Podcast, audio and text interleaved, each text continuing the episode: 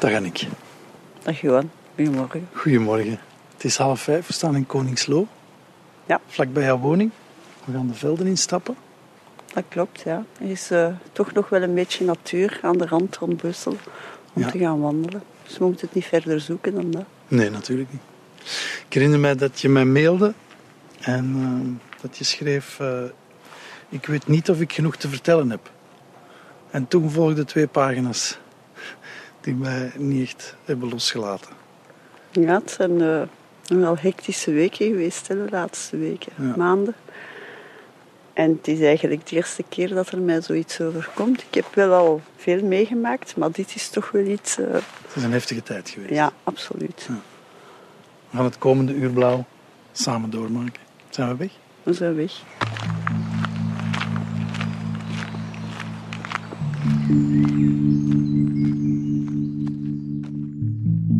Tijdens de coronacrisis werden uitzonderlijk veel overlijdens opgetekend. Oversterfte heet dat. Mensen werden een cijfer op een dagelijkse persbriefing. De verhalen achter deze overlijdens vertellen we in deze podcast. Vroeg in de ochtend, nog voor zonsopgang, ging ik wandelen met mensen die woorden proberen te geven aan hun verlies. In de hoop dat met de zon ook echt een nieuwe dag kan aanbreken.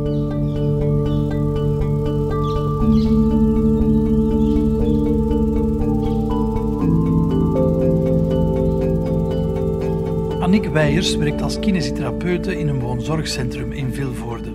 De corona-uitbraak brengt haar op de covid-afdeling, waar ze de hectische zorg op zich neemt. Net dan overlijdt haar zus aan kanker. We wandelen door het Tangebeekbos in Vilvoorde. Dan zie je nog net de basilik van Koekelberg boven dat bosje. Loopt dat ergens naartoe? Nee, dat zit Nee. in de vijver. Dan ga je In de heel vijver. veel natte voeten hebben. Ik ben Johan Terrein. Dit is het Uur Blauw. Er is veel gebeurd, hè. Maar het belangrijkste is dat jouw zus midden in coronatijd is overleden. Ja. Ze, En, ze had eh, kanker, hè? ja, het heeft uitgezaaide kanker gehad. En daardoor dat ik eigenlijk al heel lang wist dat zij niet meer kon genezen, dat zij in een terminale fase zat. En ook omdat zij fysiek zo fel achteruit was gegaan de laatste maanden, ja, was dat toch wel duidelijk dat dat niet zo heel lang niet meer ging kunnen duren. En toch was ze nog bang voor het virus. Ja, ze was verschrikkelijk bang voor dat virus. Want zij wou eigenlijk ook niet meer dat er iemand van de familie, nog haar kinderen, nog haar broers of haar zussen eh, bij haar binnenkwamen. Absurd in feite. Hè. Je weet dat er iemand is die moet vertrekken. En dat ze dan toch in die laatste momenten nog zei van nee, kom alsjeblieft niet op bezoek. Want dat virus, dat virus, dat speelde enorm in haar hoofd. Dus je hebt haar dan een hele tijd niet gezien. Eh, gewoon op afstand aan de deur. We gingen regelmatig eens boodschappen doen, een beetje eten brengen en zo, want ze was ook zo verzwakt dat ze eigenlijk niet goed meer voor zichzelf kon zorgen. En ehm, ja, je wilt dan helpen en eigenlijk word je dan geconfronteerd met het feit dat je niet mag of niet kan helpen door een virus. Ja, dat is, dat is toch een beetje moeilijk eh, om te vatten in feite. Ja. Maar dan, ehm, ja, de laatste negen dagen is ze dan uiteindelijk toch in het ziekenhuis beland. Eh, ze was heel vermoeid en eh, ze had veel pijn. En toen hebben de dokters echt ook wel uitdrukkelijk gezegd tegen haar dat ze maar enkele dagen niet meer te leven had. Dus eh was wel heel erg binnengekomen bij haar, omdat ze zich daar echt niet aan verwacht had. Eh, ja, ze wou dat precies niet geloven. Ze wou dat precies niet weten.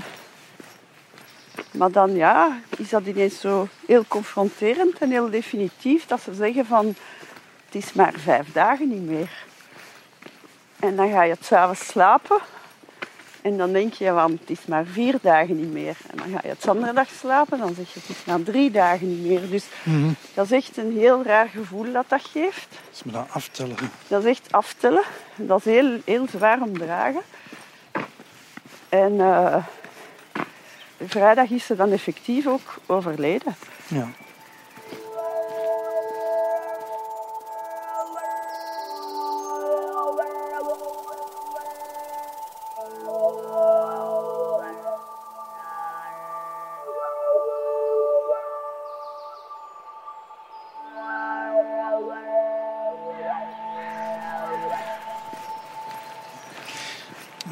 Afscheid kunnen nemen dan?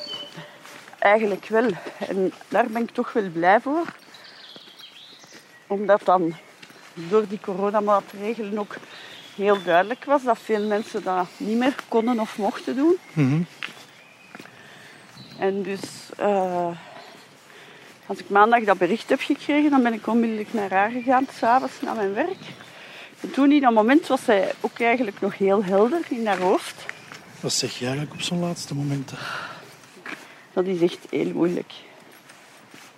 Eigenlijk sprakeloos in zekere zin ook. En niet wetende wat je moet zeggen. Eh, maar ik heb dan, in die eerste moment, ik, ik was echt zo'n beetje in shock. En ik heb haar toen nog kunnen vastpakken. Alhoewel dat, ik- dat ik wist dat ik het eigenlijk niet mocht doen. Ehm, maar ik ben, ik ben kine van opleiding. Ik werk al 33 jaar als kine. Ik doe niet anders dan dagelijks mensen aanraken met de bedoeling van die beter te laten worden.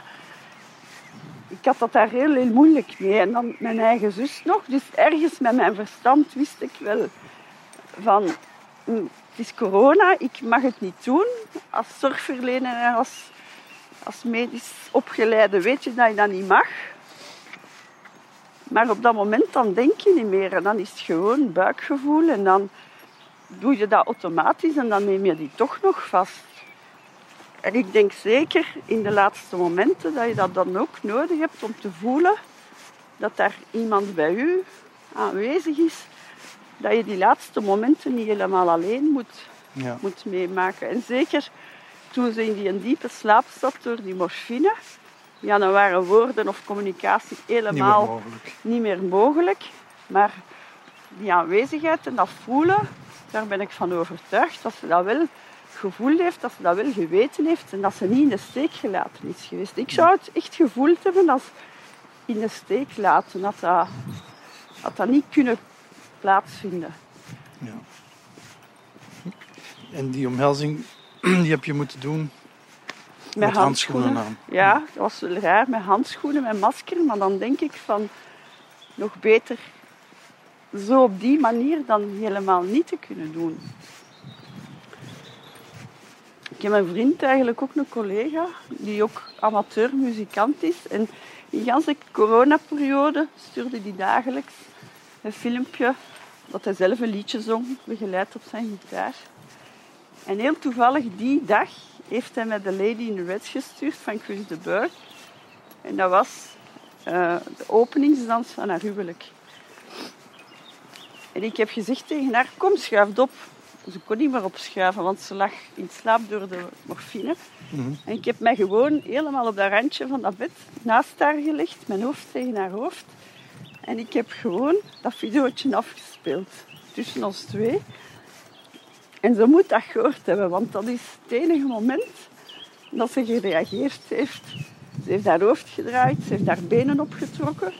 En alleen op dat moment heb ik die reactie gehad. Dus het kan toeval zijn, ik kan het mij inbeelden, maar ergens denk ik toch wel dat ze dat ergens toch nog bewust moet meegemaakt hebben, denk ik. Dat heb je daar nog kunnen meegeven. Ja, eigenlijk wel.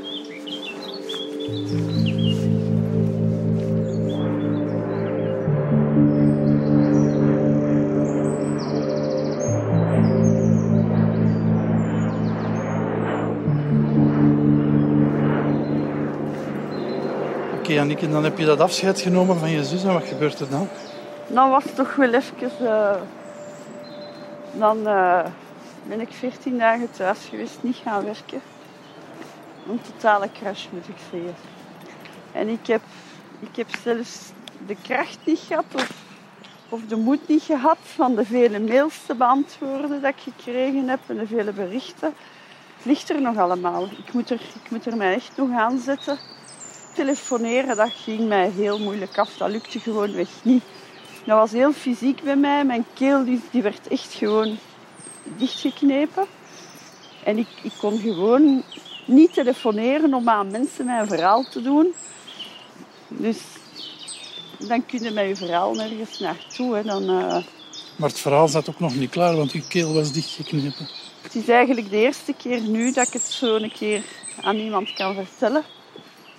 Eh, Ja, je voelt dat dat van binnen zit, maar dat is, ja, Dat kropt dat weg op. naar buiten. Dat zit opgekropt, ja. Dat gaat ooit wel loskomen, daar ben ik van overtuigd. Ehm, maar dat gaat tijd vragen. Wat is er na twee weken gebeurd dat je toch terug bent gaan werken? Je moest wel. In zekere zin moest ik wel. Hè. Ehm, Ja. Dat heeft geen zin van, van maanden thuis te blijven zitten en, te, en rond te draaien. Ik ben, ik ben niet iemand die in mijn zetel gaat liggen en naar het plafond ligt te kijken. Ik moet, ik moet bezig kunnen zijn. Hè. Ja. Het woonzorgcentrum ook. Daar hebben we toch wel eh, vanaf week 1 van de lockdown een serieuze uitbraak gehad van coronavirus. We hebben heel veel zieken gehad. Ehm, zowel bij personeel als bij bewoners. En dan nog eh, ja, toch een aantal overlijdens ook wel hoor. Want je stond daar ook op de COVID-afdeling dan Ik heb, ik heb daar echt eh, binnenin gezeten. Eigenlijk ook van in het begin. Ehm, mede doordat er eigenlijk redelijk wat personeelsleden zie- echt ziek gevallen zijn. We hebben echt... ehm, en doordat ook zoveel bewoners ziek waren, moesten die eigenlijk allemaal geïsoleerd worden op kamer. Dat zorgt ervoor dat je eigenlijk veel intenser en veel zwaarder werk krijgt. Die mensen waren in dat moment ook allemaal zwaar ziek, dus die hadden niet meer de kracht van een boterham in hun mond te steken. Dus die moesten echt allemaal geholpen worden, voor te wassen, te kleden, eten te geven. En dus dan hebben ze mij eigenlijk vrij snel gevraagd of dat ik dat wou doen in plaats van, van kine te geven. Dus ik heb eigenlijk gedurende een heel aantal weken niks meer van, van kinewerk gedaan, maar echt gewoon dagdagelijkse zorg. hè. Zorg. Een heel heftige periode, want we hebben daar echt wel eh, een zware storm meegemaakt bij ons in het woonzorgcentrum. Ja. Dat was dan eigenlijk ook die periode dat mijn zus zo slecht was. Zij was dan bang dat ik dat virus ging meebrengen van het woonzorgcentrum bij haar binnen. Ik mocht dan niet bij mijn mama binnen, dat die 88 is. En dan is ook mijn man nog ziek gevallen. Die heeft corona gekregen. Die is goed ziek geweest. Ehm, gelukkig niet in die mate dat hij naar het ziekenhuis is moeten gaan. Maar hij is drie weken thuis eh, echt wel goed ziek geweest. ja. Dus het was een beetje... En op dat moment ben je dan ook nog een zorgheld. Ja, nee, Waarvoor, ja nee, ik noem het zo, omdat er wel al die weken wel... Hè, Ik heb wel doorgedaan. En ergens heeft mij dat ook wel een beetje geholpen om erdoor te komen. Door het feit van zo bezig te zijn. Dat was heel zwaar. ook daar ben je dan nog redelijk wat geconfronteerd geweest met de dood. Ja. Want ehm, toen dat ik je vorige week even aan de lijn had, heb ik gezegd dat we twaalf overlijdens hadden. Ehm, maar die zijn er ondertussen wel... Wat zijn er intussen? Ik denk dat we net aan geen 20 zitten. Ik ben nu dinsdag gaan werken na het lang weekend. En het eerste dat ik hoorde als ik dinsdag op het werk kwam, was dat er weer iemand overleden was.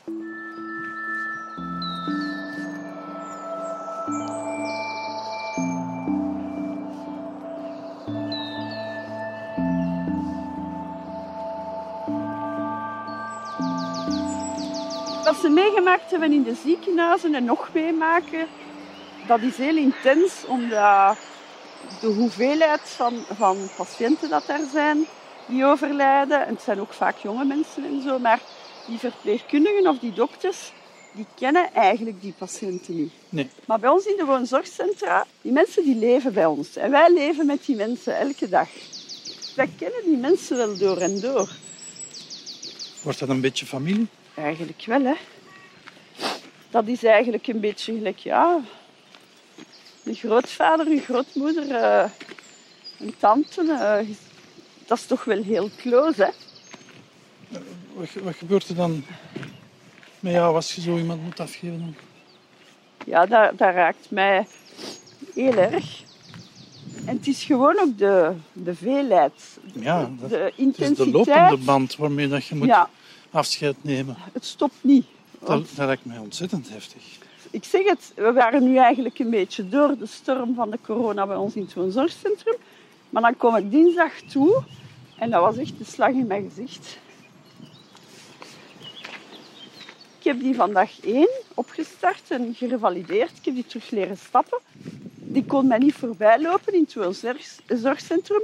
Of die riep al van ver van... Ah, ma petite ange en uh, mon sauveur. En ze pakte mij vast en ze knuffelde mij en ze kuste mij. Dat is, uh, ja... En ik wist dat ze niet goed was. Hè. En ze was terug opgenomen geweest in het ziekenhuis. En dan heeft de zoon gebeld om te zeggen dat zijn mama overleden was. Ja, en dan dachten van, weer al. Het is, het is gewoon... Mijn emmertje zit vol zo. Het is... Ja. Waar heb je nu behoefte aan? Annick?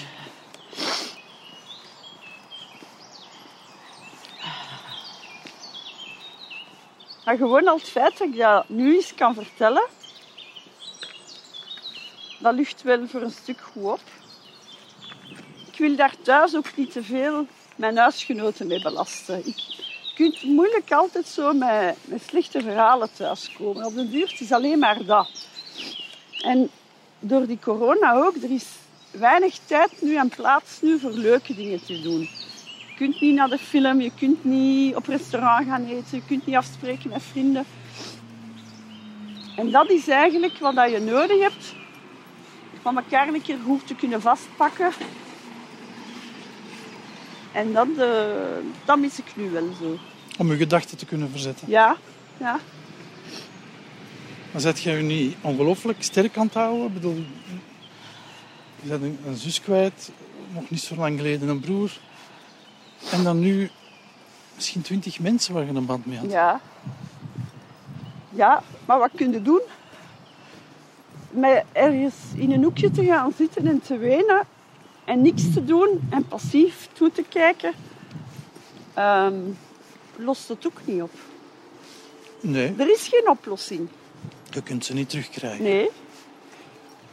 Ja, we moeten ons daarbij neerleggen. We moeten dat aanvaarden, dat dat gewoon nu op dit moment zo is. En daar is eigenlijk niemand dat daar iets aan kan veranderen, hoe heftig dat dat ook is. Nee. Maar je spreekt over dat gevoel dat niet dat vastzit, hè? Of, of dat... Ja. Ja. En dat je het gevoel hebt van ik kan er eigenlijk, het is de eerste keer dat ik er eigenlijk eens echt heftig over kan babbelen. Ja, eigenlijk wel, ja. En het is daarom ook, denk ik, dat ik toch die mail heb gestuurd en gereageerd heb. Het enige wat ik nu momenteel zo'n beetje mijn uitlaatklep heb, dat is dat ik veel ga lopen. Ik ga heel veel lopen. En dat maakt mij ook sterker. Dat maakt mij fysiek sterker. Dat, dat merk ik echt. En ik denk dat dat mij ook mentaal een beetje weerbaarder maakt. Ja. Zeg jij iemand die zo zichzelf in doog houdt? Zo van, hoe is het nu eigenlijk met mij? Of maakt, het, maakt het die reflectie niet? Of maar niet genoeg, denk ik. Nee? Ja, want je zet heel veel voor andere mensen aan het zorgen.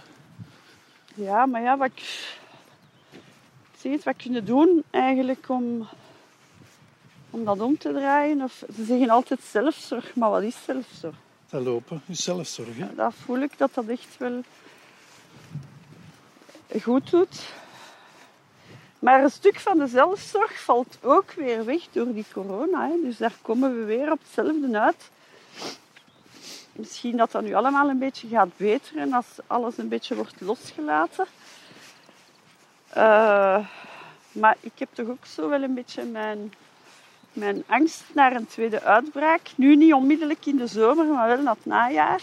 Mm Mensen beseffen nog niet genoeg dat er nog altijd een, een serieus risico is.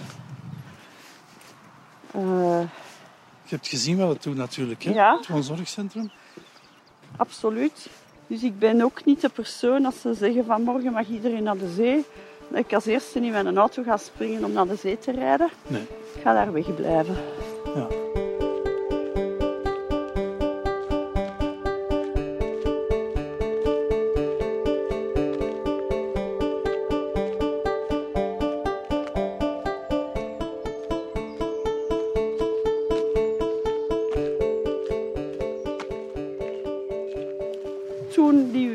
Dagen dat ik daar bij mijn zus zat, zo van langs de ene kant wil je die vastnemen. En langs de andere kant weet je van, eigenlijk doe ik nu iets dat ik niet mag doen. Dat ik professioneel weet van, eigenlijk mag ik dit niet doen. En toch, ja, moest ik een keer beginnen. Ik zou het toch doen.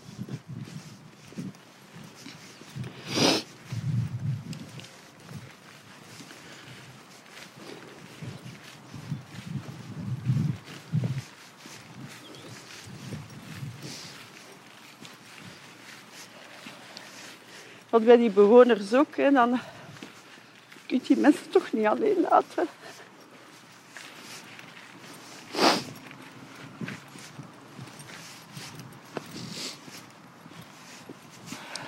Knuffelt je die dan ook? Tuurlijk. Ja. En je merkt dat ook, dat die mensen daar nood aan hebben, dat die blij zijn. Ze kunnen het dikwijls niet meer zeggen, maar gewoon al aan hun blik. Eh, alleen die oogstjes dan nog spreken. Dan, eh, dat is niet genoeg.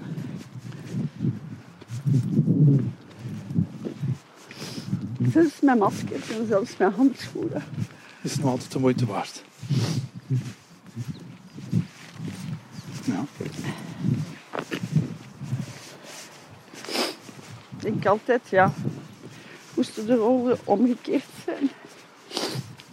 Als ik in dat bed zou liggen, dan zou ik het ook wel fijn vinden dat er iemand aan mijn bed staat die voor mij wil zorgen. Zeker als er geen familie bij kan zijn. Dus, eh, ja, Ik hoor in heel, in heel verhaal ook heel hard... De mens mag niet alleen sterven. zeker niet. Heb je het gevoel dat je dat met je zus hebt kunnen doen? Die een tijd nog geven? Ik heb het laatste jaar toch wel veel tijd in haar ingestoken, ja. Omdat... Ze heeft een, een moeilijk parcours gehad, hè. een beetje een hobbelig parcours. Zo. En ze heeft een aantal jaren geleden een beetje afstand genomen van de familie, van de vrienden. Eigenlijk mensen die het met haar allemaal goed bedoelden. En in dat moment ehm, hadden wij geen toegang tot haar. En ik heb dat dan wel losgelaten en iedereen heeft dat wel losgelaten. En dan is ze teruggekomen als ze ziek is geworden. En ben toch wel blij dat ik op dat moment ergens in mijn hoofd, in mijn hart, een deurtje heb kunnen openzetten. Dat ik gezegd heb van kijk, wat gebeurd is, is gebeurd. Maar ik ga ze niet aan haar lot overlaten.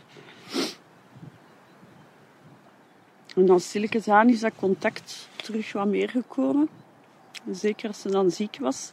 En ik zou niet slapen moest ik, eh, moest ik weten dat ik dat niet had gedaan. En moest ik haar in de steek gelaten hebben, dan ik zou niet meer slapen dan. Ik zou mijn eigen niet meer recht in de spiegel kunnen aankijken. Je bent er geweest. Voor veel mensen. Hè? Afgelopen tijd. Ja, ik ga dat blijven doen. Ik ga dat blijven doen en dat is een stuk van mezelf, dat is een stuk van mijn leven, dat is, dat is wie dat ik ben. Je zei daarnet, ik word niet graag een zorgheld genoemd. Hoe, hoe, is, dat, hoe is dat geweest, zo, dat besef van er wordt elke avond in het land geapplaudisseerd? Ik heb daar niet veel Niet bij stilgestaan. stilgestaan en niet, nee, niet veel aandacht aan geschonken. In het begin bij ons in de straat deden ze dat een beetje.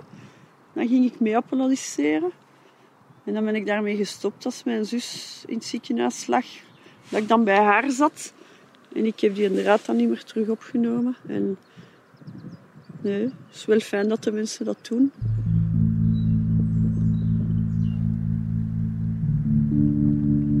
We staan hier op een redelijk hoog veld. Van op deze heuveltop, nu de nieuwe dag is begonnen.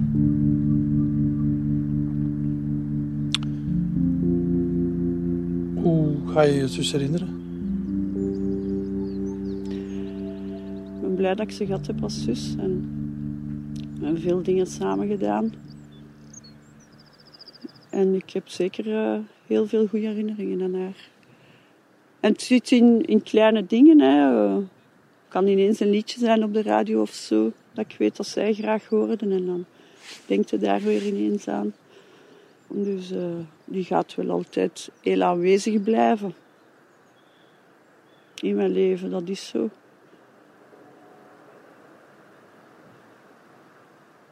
En dat heeft mij ook ja, een stuk, ja, toch wel een levensles gegeven. Zo. Dat ik blij ben dat ik, dat ik ze niet in de steek heb gelaten, dat ik er ben geweest. Iedereen verdient het om niet alleen te moeten staan. Ja, voilà. Ja. En moest ik het toch voor iemand anders moeten of kunnen doen, dan ga ik het mij, mij evenveel, evenveel overgave doen. Dat is mooi, hè?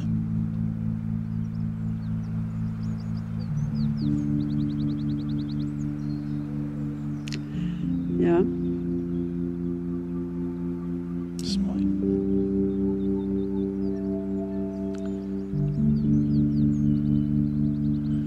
Met welk gevoel of welke gedachte gaan we de dag in?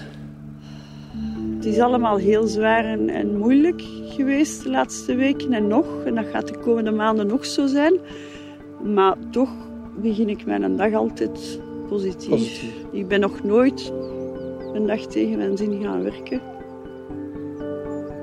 Ik wil me daar niet, niet kapot door laten krijgen. Hm. Dat mag niet.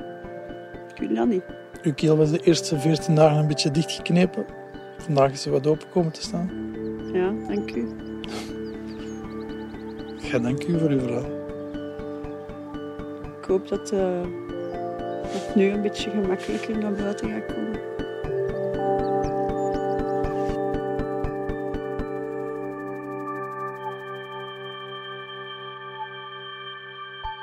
Volgende week vertelt Martien de Laat het verhaal van haar schoonmoeder, die ze ons ma mocht noemen, en van haar man Luc, die nog lang na het overlijden soep gaat koken in de keuken van zijn moeder. Deze podcast wordt gemaakt in samenwerking met De Morgen en Humo. Wil je een reactie kwijt, dan kan je terecht op de Facebookpagina van het Uur Blauw.